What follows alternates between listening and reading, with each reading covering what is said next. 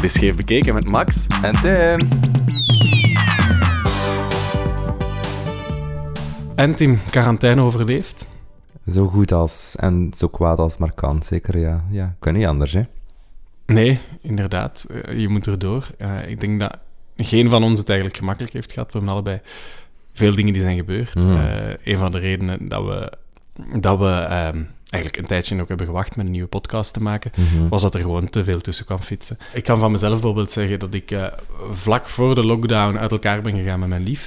Ik kon natuurlijk niet voorzien dat ik daarna uh, helemaal ja, echt alleen ging zitten in mijn appartement en mm. dat je niet met, met, ja, weg kan gaan met je vrienden. Um, nee, dat isolement zal waarschijnlijk extra moeilijk geweest zijn voor jou. Op dat moment is dat niet evident, maar nee. uh, het levert wel soms grappige scènes op. Oh. Ik, pro ik, probeer me eraan op te trekken. Uh, als ik ooit een, een, comedy ga maken à la, à la Girls of Looking of zo, dan denk ik, uh, heb ik toch een kleine quarantaine confession. Ik, ik kijk er naar uit. Oké, okay, het is een beetje gênant, dus uh, dwaze muziek on.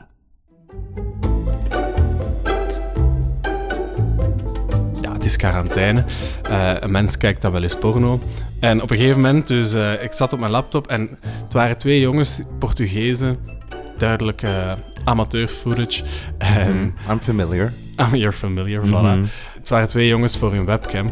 En ik weet niet waarom. Ik ben, ik ben iemand die altijd comments leest, zelfs bij pornovideo's. Is, okay. is dat een ding? Anyway, ik, ik scroll al een keer door naar comments. Alright. En, um, en plots staat daar... Ah, maar dat zijn bekende YouTubers. Uh, die hebben een cooking channel. Die, dus die twee kerels die ik op dat moment zag. Oké. Okay. Dus... Um, het is quarantaine. Je hebt niks beter te doen dan op dat moment te zeggen: Ik ga een keer kijken naar een cooking channel. Dus, um, en er stond ook op hoe dat ze heet. Dus ik zoek het op. En dan de eerste video die ik vind uh, bovenaan een channel was We Broke Up. Oh nee. ja. Nee. Dus next thing I know zit ik een 10 minuten break-up video te kijken. Van de man die ik vlak ervoor nog met zijn lief heb zien poepen op de webcam. Op de webcam, damn. Eigenlijk ook gewoon uh, nadenken over mijn eigen break-up gevoelens, terwijl dat die kerel zit te vertellen hoe hij twee maanden zichzelf geïsoleerd had en dat je dat toch beter niet doet. Damn, zeer uh, veel conflictende signalen. Ja, er gebeurde op, op dat moment heel veel en ik denk dat ik um, ja, het heb uitgekeken en dan heb je gezegd, oké, okay, genoeg internet voor vandaag. maar op zijn minst staat hij toch al de zakdoekjes vlakbij. Voilà, dankjewel dus, Tim. Hij was eigenlijk voorbereid op alle, alle mogelijke situaties. Ja, inderdaad. Praktisch.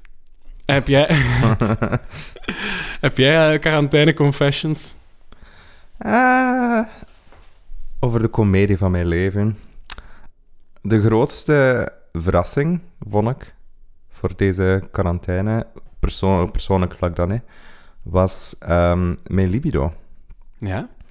Uh, ik heb er geen meer. Oei. ik hoorde you lost your mojo. Bijna raar. Dus van overal rond hoor ik zo... Oh ja, het is, het is moeilijk, oh, ik mis dit en dit en dat. Ik, pff, dat was precies alsof dat mijn, mijn lichaam in, in, in een soort van winterslaap ging. Dus mm-hmm. er, is, er is iets aan mijn... Dus ik heb heel veel introspectie, ik heb heel veel tijd. En ik heb heel veel uh, aan introspectie kunnen doen en zo wat zitten nadenken over wat seksualiteit en libido, dat dat eigenlijk allemaal betekent en wat ik eigenlijk verlang en wil en dit en dat. Dus heel veel getheoretiseerd. Misschien is dat ook wel de reden waarom dat ik geen libido heb. De libido doodgetheoretiseerd. um, ja, damn. Um, ik heb dommigheid nodig. Um, uh, dat ik geflirt vooral mis. En een ja. soort van de spanning op de dansvloer en mensen zien en, en, en het totaal gebrek aan, aan spanning of zo tussen de aantrekking van mensen. Want, want uh, Grindr en Scruff waren wel actief, veel minder wel. En ik vond echt wel dat, dat de meeste mensen, de overgrote meerderheid van de mensen, niks deden. Maar de mensen die dan wel uh, afspraken of wilden afspreken, um, dat werd dan zeer extreem transactioneel.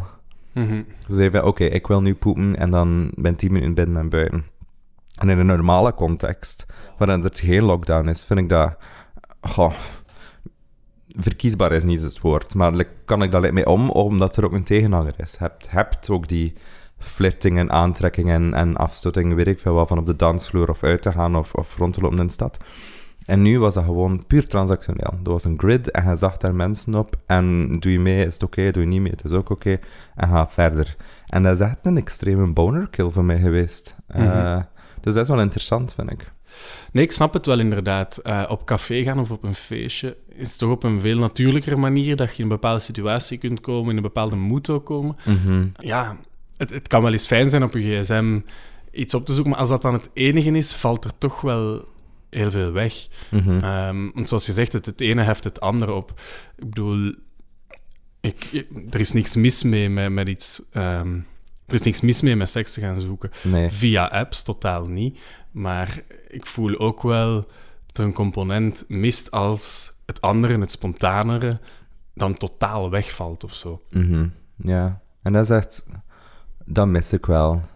Met, met volste besef ook dat gaybars en, en feesten, zoals dat we ze kennen, dat dat natuurlijk meer zijn dan facilitatoren voor seks. Uiteindelijk is dat geen plek voor voorspellen. een café, like een gaybar, um, is zo belangrijk. En feestjes like Gay Haze of Spec of zijn kleine clustertjes vrijheid en like, gemeenschapsgevoel. Dat zijn mini-pride staan als je er naartoe gaat. En, en ik mis dat. Ik vind dat bijna triest dat je nu door de neighborhood hier in Brussel loopt. Um, dat, is lang, dat heeft lang stilgelegen. En het enige dat zo'n beetje dit denken aan onze aanwezigheid waren hier en daar een, een, een vlag. En dat, dat zal het dan wel zijn. Maar er is like, mm. die levenscomponent, dat vitaal of zo, is, is weg. En ik vond het echt immens triestig. Het geeft me ook wel zo koude rillingen in de zin dat we steeds meer horen hoe dat, um, ja, gayleven zich online verplaatst. Mhm. Dat daardoor ook de real-life plaatsen, zoals gaybars uh, en, en feestjes, veel meer moeite hebben om te overleven. En het lijkt een beetje alsof heel deze coronacrisis nu een soort um, flash-forward is naar de dystopie, waar dat al die plekken verdwenen zijn. Mhm. Um, en misschien is het dan het ook wel waardevol dat we nu echt met onze neus op de feiten worden gedrukt op de waarde van zo'n van zo'n plekken.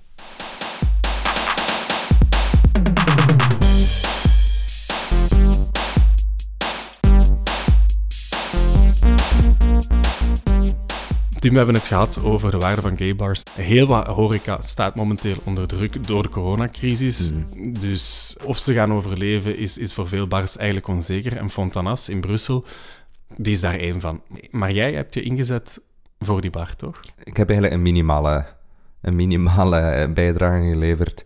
Ik zag bij gelijkaardige plekken in New York en Londen, want queer bars en, en, en spaces zijn meer dan alleen maar een plek om iets te drinken. Dat zijn zoals ik het toch zie, belangrijke culturele centra op een of andere manier.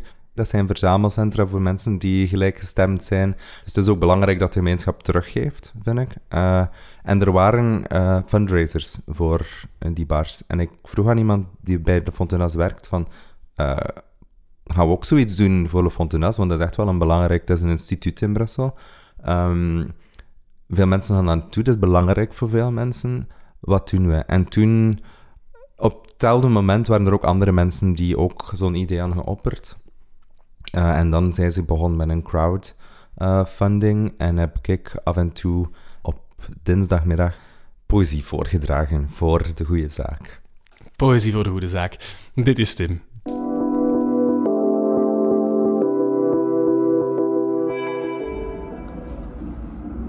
Those of you who know me know that I love anything American and anything gay. And if I can find something that combines the two, I'm sold. American poetry has this knack for elevating the mundane to poetry. And the poem I want to read you today really helps bring poetry in our mundane lives, which consists now of just going to the supermarket and back, basically. It's by Frank O'Hara, and it has the silly name Poem. But it's great. Lana Turner has collapsed. I was trotting along, and suddenly it started raining and snowing, and you said it was hailing, but hailing hits you on the head hard. So it was really snowing and raining, and I was in such a hurry to meet you, but the traffic was acting exactly like the sky, and suddenly I see a headline Lana Turner has collapsed. There's no snow in Hollywood, and there's no rain in California. And I've been to lots of parties and acted perfectly disgraceful, but I never actually collapsed. Oh, Lana Turner, we love you. Get up. I love this poem so much. And as you can see in the background, I do love a diva, especially when she falls. I hope this brings some poetry into our boring, mundane lives, and I hope to see you out soon again in the Fontanas outside. That'd be great. I miss you all.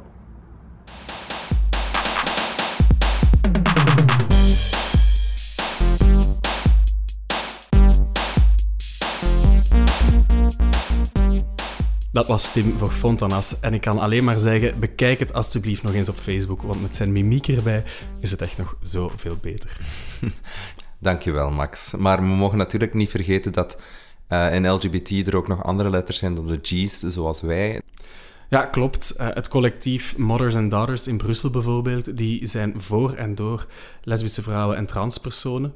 En zij hebben elk jaar eigenlijk een, een pop-up concept sinds 2017 toen was dat nog in de Beurschouwburg. En het jaar erop hadden zij een bar midden in het centrum aan de Vismarkt in Brussel. En in 2019, vorig jaar, toen zaten ze in de Marolle. Maar wat het dan dit jaar gaat worden, dat is eigenlijk nog één groot vraagteken. Ja, maar ze zullen er toch zijn deze zomer, hoop ik. Dat kan ik in ieder geval garanderen, want ik ben met hen gaan spreken en ze zijn in volle voorbereiding van editie 2020. Ja, de vorige edities waren echt wel zeer bijzonder, hè? Ja, klopt. Ik ben gaan spreken met Jessica, Katja, Robin en Nira van de organisatie. En als je met hen spreekt, wordt meteen duidelijk wat een warme plek dat dat eigenlijk is voor lesbische vrouwen en transpersonen. Ik ben vorig jaar geweest en ik vond het vooral de, uh, wat mij is nagebleven, de sfeer en het, de connectie en, en, en de mensen en de locatie en eigenlijk heel het concept. Dus ik vond dat, ik vond dat heel, heel schoon. Als ik aan Mothers and Daughters denk, denk ik vooral aan die oh, zondagmiddagen dat je daar zit met die groep, een groep mensen die, het daar, die je eigenlijk op zo'n heel gecondenseerd moment in het jaar plots heel veel ziet, waardoor er een ander type band ontstaat dan wanneer je een keer iets met iemand op café gaat. Zo het eigenlijk u allemaal gezamenlijk een beetje vervelen, niet echt, maar weet je, gewoon rondhangen. Allemaal samen en praten over whatever. Dat zijn voor mij, denk ik, de meest waardevolle momenten geweest. Ja, voor, mij ook. Mm, ik heb heel veel bijzondere mensen ontmoet ook. Door dat project te, uh, te, ja, vanaf het begin en elke editie groeit die groep. En ja, zoals je zegt, je, je ziet die mensen misschien af en toe gedurende het jaar en dan zie je ze opeens weer weer meer. En het is, ja, het is echt iets heel speciaals. En voor mij is het ook, het moment dat dat gebeurt, geeft ook heel veel kracht voor de, alle maanden dat het niet open is of zo. Het geeft ook een soort van. Um, ja, power. En die power die zindert dan gewoon na als een herinnering. En dan ga je ja, weer door. Tot nu toe was Mothers and Daughters altijd op een vaste plek, maar dit jaar wordt het een beetje anders. Ja, ze gaan inderdaad samenwerken met plekken die er al bestaan. Want die hebben natuurlijk ook niet gemakkelijk nu door de coronacrisis. Dus Mothers and Daughters gaat eigenlijk hun, uh, hun moederschip ergens uh, op verschillende plekken opslaan uh, en hun achterban daar dan uitnodigen. Ja, het is wel cool dat ze zich op die manier zelf ook heruitvinden. Dat is inderdaad een beetje de essentie van het project. Het feit dat dat maar twee maanden per jaar is, maakt dat we eigenlijk elk jaar opnieuw moeten en ook dus ja, en kunnen mothers en daughters heruitvinden en echt tijd nemen om te bedenken, oké, wat is er allemaal goed gelopen, wat is er minder goed gelopen of wat ontbreekt er nog en we kunnen volledig de manier waarop wij werken. En ik denk iets dat doorheen de tijd blijft doorbestaan, um, veranderen, dat die veranderingen altijd minder intens of minder radicaal kunnen zijn, omdat dan dingen meer geleidelijk aan... Of dat misschien makkelijker is om gewoon te worden aan, ja, dit is hoe de dingen nu eenmaal draaien. We hebben ook in, uh, in de context van, uh, van de eerste paar edities hebben we ook veel eh, research gedaan in archieven, dus naar die, die oudere lesbische bars. En je ziet eigenlijk ook heel erg dat er een soort kloof was tussen de bars, die, die, die vaak eigenlijk helaas ja, eh, toch een beetje gewelddadig waren en eigenlijk niet per se een uh, safe space zoals we dat nu kennen. En dan had je natuurlijk de meer activistische groep vrouwen die ook heel veel uitgingen, die feestjes deden, die ook een plekken hadden.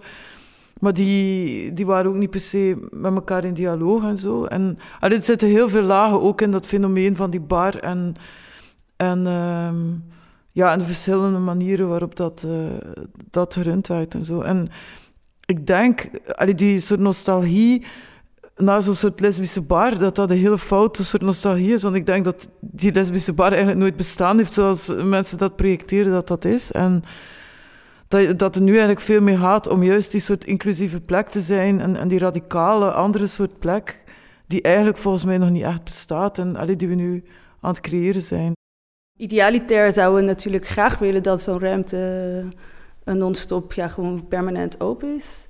Um, het is meer dat er voor ons als groep deze vorm op dit moment uh, ja, klopt en functioneert. Maar mensen kijken ook wel heel erg uit. Hè. Doordat er uh, ruimte tussen is, kijken mensen heel erg uit naar het moment dat het weer uh, gaat beginnen.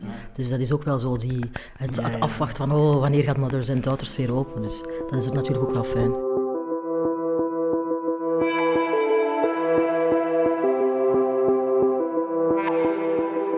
I didn't know what the safe space was until I came to Mothers and Daughters. Dat had iemand geschreven in het gastenboek van de vorige editie van Mothers and Daughters. Ja, een safe space, een veilige haven voor lesbische en transpersonen. Dat is eigenlijk het doel van Mothers and Daughters. Ik denk wel wat, wat Mothers and Daughters heel erg probeert te doen, is eigenlijk de zogenaamde minderheid of zo, eigenlijk heel erg de meerderheid laten zijn en eigenlijk gewoon te programmeren rond behoeftes van die groepen. En ik vind dat dat, allee, dat is vrij radicaal. Ik bedoel, toen we begonnen met de bar, denk ik niet dat we ooit gedacht hadden dat we dat eigenlijk tot zo'n niveau, allee, ja, dat dat zoiets ging worden wat het nu eigenlijk is. Ik denk dat je dat eigenlijk ook moet meegemaakt hebben om echt te beseffen hoe fantastisch, uh, verrijkend en leuk en inspirerend dat eigenlijk kan zijn. Ik heb het precies hetzelfde gevoel. Van ik denk dat ook het, hetgene wat we maken uh, en zeker aan het begin, dat ik zelf niet eens begreep van ja, de, wat het is wat we maken. En pas op het moment dat het gebeurt, uh, kan, je, kan je het voelen. Oh, ik herinner me de eerste keer um, dat ik er was. En dat was toen op de vismarkt. En dat was echt een zee van vrouwen. En mensen kwamen echt van overal. En dat was zo mooi om te zien. En heel veel, een heel divers publiek. Maar later ik weet niet, op, op, op een gegeven moment dacht ik van ja, misschien moet ik hier gewoon even niet zijn. Ik heb andere bars om naartoe te gaan, ik kan ook wel ergens anders zijn. En wilde ik niet per se die uh, eigenheid van die plek verstoren. Ja, dat is ook een bedenking die ik had, want ik ben er eigenlijk nog niet geweest. Ook vanuit de bedenking, ik kan er een keer naartoe gaan wanneer ik uh, met een groep uh, lesbische vriendinnen ben bijvoorbeeld, maar met een groep homo-vrienden ga ik die ruimte niet, ja, inderdaad, zoals je zegt, verstoren, niet gaan imposen met mijn aanwezigheid. Ja, het is inderdaad een heel precair evenwicht. Hè? Want aan de ene kant willen ze een heel inclusieve ruimte zijn, maar aan de andere kant, om die inclusiviteit te bewaren, moeten ze ergens ook um, die eigenheid kunnen uh, afbakenen, bewaren. Hoe, hoe, pakken ze dat precies aan? Ja, dat is, uh, daar hebben we veel discussies over. En ook, ja, laten we misschien beginnen met te erkennen dat je kunt je kunt um, streven naar een veilige ruimte, maar een ruimte zal nooit 100% voor iedereen veilig zijn. Alleen al voor het feit dat de noden van de ene persoon zullen de noden van de andere tegenspreken en soms zullen er compromissen moeten gemaakt worden zelf om een veilige ruimte te kunnen creëren, denk ik. En ook door daar duidelijk, naar te, duidelijk over te communiceren naar ons publiek. Zo hebben bijvoorbeeld een ally flyer. Dat is een flyertje waarop staat waarom het belangrijk is dat er plekken bestaan die dat specifiek voor queer vrouwen en transpersonen gemaakt zijn. En op drukke avonden delen we die flyertjes uit om uit te leggen aan mensen die zichzelf niet identificeren als uh, lesbienne of uh, queer vrouw of biseksueel of transpersoon. Um, dat er binnenstappen van die ruimte een zekere consequentie heeft. Dus in plaats van um, daar te hard in te policen, eerder door te communiceren met mensen, um, ja, daar een bewustzijn rond te creëren. Maar ik zou misschien toch wel nog willen aanvullen dat op zich hebben wij geen enkel probleem met het idee dat een groep queer mannen naar die bar zou komen, maar het gaat er vooral om wanneer komt je en op welke manier. Um, bijvoorbeeld als wij een feestje geven waar er eigenlijk al een tekort aan ruimte is en dan staat er een hele groep mannen, cis-mannen, vooraan aan de DJ-booth um, te dansen en ook heel veel letterlijk ruimte in te nemen, dan is dat iets waar wij op um, inspelen, met mensen gaan praten en zeggen, kijk, dit met dit gedrag zeg maar, respecteert je de plek niet. Maar dat betekent niet als er een rustige dag is waar eigenlijk geen events zijn of waar, niet het, uh, waar we niet de deur moeten sluiten omdat we vol zijn. Ja, dan zijn we super blij als, als mensen komen. Dus in die zin zou ik ook niet willen discouragen om met uw vrienden langs te komen. Robin legt eigenlijk heel mooi uit waarom dat, dat zo belangrijk is om dat evenwicht te bewaren.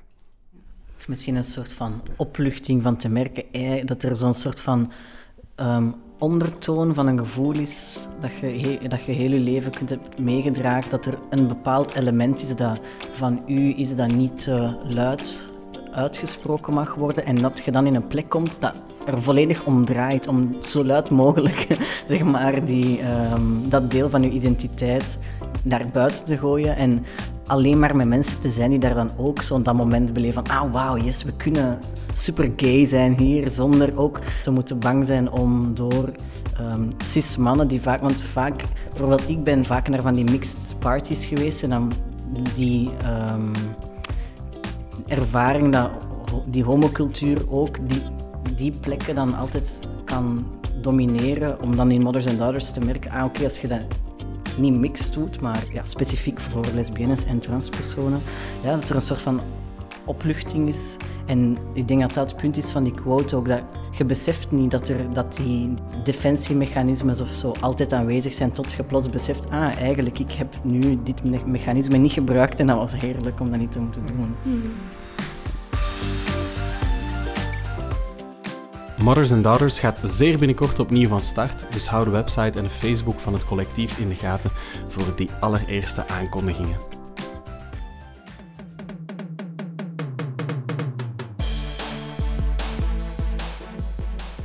En dan is het nog tijd voor een rondje scheef bekeken. Ja, want de wereld is helemaal niet zo straight zoals je zou denken. Daarom kijken we iedere week iets scheef, iets queers, wat op het eerste zegt helemaal niet zo queer is. Tim, wat heb jij deze quarantaine scheef bekeken? Ik heb zeer goed naar mijn kapsel gekeken. Kapsel? Enfin, ik denk technisch gezien kun je het geen kapsel noemen, omdat ik het zelf heb afgesneden. Uh, het is nogal um, bot gedaan, zeg maar. En begin nu al zo wel weer terug te groeien. Het is, het is eigenlijk niet, zo goed, maar ik heb coiffeur echt wel gemist, eigenlijk. Um, tegelijkertijd heb ik ook on, online superveel mensen gezien die van alles met een haar hebben gedaan. haar als uitlaatklep. Ja. Um, er was één, dat was super mooi. Dat was precies een. Ken je zo dat olie uh, of vettigheid zo like, een meerkleurige film heeft als licht daarop valt? Mm Zo geïriseerd ja. zo. Ja. Uh, maar dat dan effect op zo'n bros haar, dat vond ik echt wel bijna mooi. ik denk bij mezelf bijvoorbeeld, um, ik heb... Eigenlijk... wat heb jij gedaan met je haar, Max? Ik heb echt niks gedaan met mijn haar. Ik, nee, eh, dat dacht ik al. Ja, ik heb het allemaal... Ik ben vlak voor de lockdown... Shady. Uh, ik ben vlak voor de lockdown naar de kapper gegaan. Meestal laat ik er toch twee à drie maanden uh, over gaan. Twee à drie maand? Ja. Mens toch? Oké. Maar ik heb wel um, de, de haarstijltrends kon ik gewoon elke dag zien bij de bakker waar ik naartoe ga. Oh? Ja. Uh, ik heb echt net na de lockdown ontdekt dat er een heel goede bakker bij mij in de buurt is. En... Um, de man die daar mijn brood elke dag geeft, de bakker dus, is... Uh, ik, ik, kreeg al zo'n soort flirty vibe van hem. Mm uh, dus ik vond het altijd wel leuk om mijn brood te gaan halen, want hij lachte zo vriendelijk naar mij. En toen had hij ik denk de derde keer dat ik er kwam, toevallig een t-shirt aan van Mr. B. Mm Dat is een fetishwinkel in Antwerpen. Dus dan wist ik wel uh, hoe laat het was. Mm -hmm. Gay uh, o'clock. Gay o'clock, indeed. En dan daarna uh, is zijn haar ook... De, dus hij heeft een echt... Uh, doorheen heel de lockdown kon ik altijd een transformatie zien. Dus eerst was zijn haar, denk ik, zijn natuurlijke kleur. Redelijk, ja, redelijk kort. Dan werd het peroxide blond. Mm -hmm. Dan werd het groen met zwarte bollen op. Ja, en nu is het uh, weer gewoon groen. Oké. Okay. Ja. Ik denk nou wel kunnen zeggen dat kapsels heel, heel scheef bekeken werden de, deze afgelopen maanden. En binnenkort, als alles goed gaat, loop ik rond met Fabiola, denk ik. Dat wil ik graag een keer proberen, maar dan moet ik wel echt bij lang sparen.